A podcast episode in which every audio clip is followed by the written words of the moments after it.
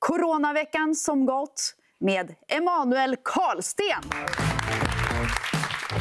Vilken vecka, vilken eh, ja, otrolig vecka får man ändå säga om man har bott i någon av de här regionerna som har fått de nya rekommendationerna och känner du att du inte har hängt med så är det ändå ganska viktigt att du gör det just nu för att förstå vad det är som händer, vad du kan påverka och vad som påverkar dig. Det här är Coronaveckan som gått, vecka 44.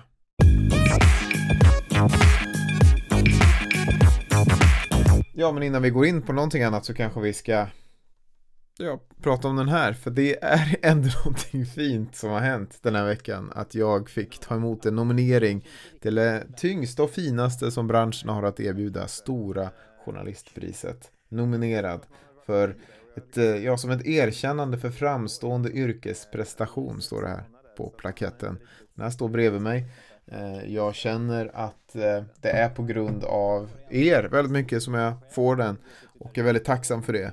Eh, det hade jag aldrig vågat göra det här om vi inte hade känt det stödet från er som tittar och lyssnar och läser. Och inte minst ni som stöttar ekonomiskt också via patreon.com Emanuel Karlsten. Stort tack för det! Ja, konceptet är ju att jag varje vecka sammanfattar det viktigaste och mest omtalade som hänt kring pandemin i Sverige. Här är alltså den senaste veckan och 5938 har nu avlidit med covid-19 i Sverige. Det är en ökning med 5 dödsfall jämfört med förra veckan. Men egentligen så är det en ökning med 35 dödsfall. Under veckan justerades siffran över totalt antal döda ner med 30 dödsfall.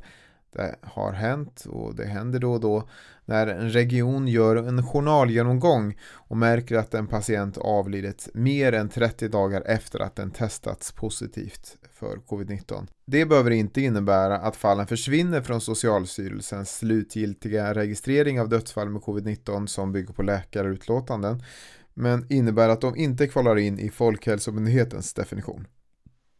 Antal döda är på en relativt låg och stabil nivå, men antal inlagda på IVA letar sig brant uppåt, även om det är något mindre brant än förra veckan och fortfarande handlar om jämförelsevis låga tal om vi jämför med våren.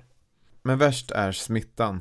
Folkhälsomyndigheten redovisar kontrollerade siffror med en veckas eftersläpning och vecka 43 är den högsta noteringen någonsin av antal bekräftat smittade på en vecka. 9163 fall, en ökning med 63% jämfört med veckan innan. Det är också den högsta noteringen av antal tester sedan starten, 164 000 totalt. Och den ökade efterfrågan av tester kan delvis förklaras av att vanliga förkylningsvirus återigen ökat i Sverige de senaste veckorna. Men generellt är allt fler tester positiva. 5,6% av testerna var positiva jämfört med förra veckans 3,9%. Smittan ökar i alla åldersgrupper men de äldsta och yngsta åldersgrupperna klarar sig bäst och 70-plussarna har den minsta ökningen bland åldersgrupperna. Det är för tidigt att säga att ökningen för de äldsta skulle ha att göra med lättade restriktioner för åldersgruppen, men i veckan har beslutet att lätta på just de här restriktionerna fått hård kritik. I statistiken finns också oroande tendenser för barn, framförallt i övre tonåren. Trots det visar ny forskning som publicerades i veckan att just barn inte är en motor för smittspridning utan mest följer det allmänna smittoläget. Värst är kanske tendensen att smittan ökar även på äldreboenden. Detta alltså tre veckor efter det nationella besöksförbudet på äldreboenden hävdes.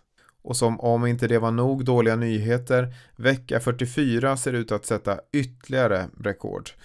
Veckan har alltså inte ännu sammanställts, i alla fall inte kontrollerats av Folkhälsomyndigheten, så vi har bara fram till torsdagens siffror, egentligen halva torsdagen. Men redan fram till torsdagen så har vi alltså fler fall än veckan innan. Och det är utifrån detta underlag, alltså den här eskalerande smittan, som ytterligare fyra regioner i veckan alltså har dragit i handbromsen. Inte så mycket för att läget är värre än i våras, utan primärt för att regionernas test och smittspårningskapacitet nått sitt tak, förklarade Anders Tegnell i Aktuellt i veckan. Men vi befinner oss i en ganska snabb utveckling i en klart allvarlig situation och då menar vi efter diskussion med de här regionerna att eh, då vill vi göra lite mer i det här läget. Skåne blev först ut att införa nya tuffa råd, detta efter en kraftig ökning av smittan under vecka 43. Efter följde Stockholm, Västra Götaland och Östergötland på torsdagen och Stockholm är den region som har flest fall. Västra Götaland har ungefär hälften så många, men en kraftig utveckling och i Östergötland har man kanske den kraftigaste uppgående kurvan, i alla fall mätt i enskild dag. De nya rekommendationerna gäller i minst tre veckor och handlar i korthet om att vuxna bör avstå från inomhusmiljöer, avstå från möten och träningar och möjligt undvika att ha fysisk kontakt med andra än de man bor med. I Skåne får man utöver de man bor med också umgås med de man träffar varje vecka. Men i övriga regioner understryks att råden är lika hårda som de låter. I Västra Götaland tydliggör smittskyddsläkaren att fysisk kontakt innebär umgänge närmare än 1,5 meter.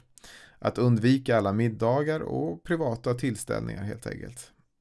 Trots detta fortsätter biografer och köpcenter att få ha öppet Ehm, som vanligt egentligen. Utöver då att det här taket på 300 återigen har sänkts till 50 i dessa regioner.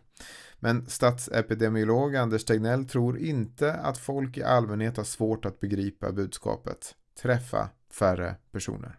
Sveriges hälsominister hotade i veckan att åtgärderna bara är början om vi inte skärper oss. Trots varningen så har det varit trångt. Storstädernas gator har fyllts av folk även efter de här råden. Liksom vid det uppmärksammade invigningen av Guldbron i Stockholm som någon kanske har sett. Till och med flygplanen till semesterparadis har varit fullpackade under höstlovet. Svenskarna har rekordhögt förtroende för Anders Tegnell. Statsepidemiologen har 72% av svenskarnas förtroende, högre än den tidigare rekordnoteringen på 68% i april.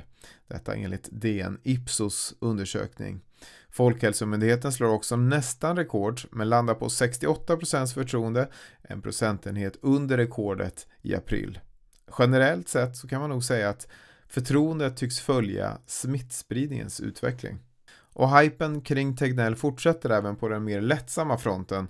Under halloween har någon passat på att karva ut det bästa eller läskigaste han vet. Anders Tegnell som pumpa. Så kommer vi kunna ha tillräckligt med doser till alla som vill vaccinera sig tror jag under andra halvåret nästa år. Sverige kan få ett vaccin redan 2021 om allt går enligt plan. Detta menar i alla fall Sveriges vaccinsamordnare som intervjuades i TV4 i veckan. Och november blir en kritisk månad. Det är då vi vet när de första vaccinen kommer. Andra forskare varnar för att det inte är säkert om de första vaccinen kommer att fungera bra.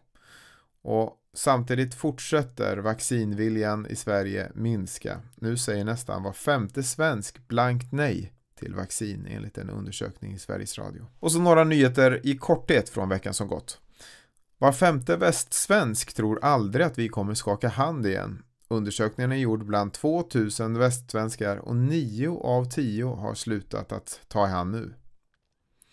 Flera julmarknader har fått ställa in, men hårdast svider det kanske för Jokkmokk som bryter en 416 år lång svit. Aldrig tidigare har Jokkmokks marknad ställts in. Nu gör den det. På söndag ska Luleå ha en folkomröstning. Nu är många oroliga för att det ska bli ett superspridarevent. Under det här pandemiåret har döden varit ovanligt närvarande. Människor har alltför ofta fått möta döden utan sina närmaste vid sin sida. Statsminister Stefan Löfven höll ett tal i veckan till nationen. Han gjorde det inte i tv denna gången utan han gjorde det på Instagram. Efter nyår när permitteringsstödet löper ut kan ytterligare 42 000 svenskar stå utan jobb. Det tror i alla fall Almega. Regeringen lovar nu nya ekonomiska krisstöd. Sjätte minuten och 1-0 för Falkenberg! I veckan hölls den första allsvenska matchen med publik. Sittande publik tillåts ju nu med 300 personer. Och detta skedde när Falkenberg mötte Djurgården och alltså i en region där de här nya hårda råden inte införts. Liseberg har ju haft stängt hela året eh, men nu väljer de att tända sin gran efter en mindre folkstorm när Liseberg sa att vi kommer inte ha råd att tända granen i år. De 22 forskarna som numera går under namnet Vetenskapsforum skriver i Expressen i veckan och varnar Folkhälsomyndigheten för att nu är det dags att ta i bättre och ta ännu bättre beslut än förra gången. Det handlar exempelvis om munskydd. Och till sist, i Uppsala är man trött på coronaviruset varför man gjorde en manifestation som dokumenterades av Sveriges Radio i veckan. Det var allt vi hade denna veckan. Tack så hemskt mycket för att du tittar, lyssnar, läser, sprider och ännu mer tack till dig som stöttar ekonomiskt. Det kan du göra på patreon.com Emanuel Karlsten så dras det kanske 20 kronor i månaden. Du väljer själv hur mycket eller lite du vill lägga. Men det gör att jag fortsätter att göra detta en stund till. Det verkar ju vara så att det här smittan kommer fortsätta. Men vi håller ut, vi gör det tillsammans. Tack för att du lyssnade och tittade.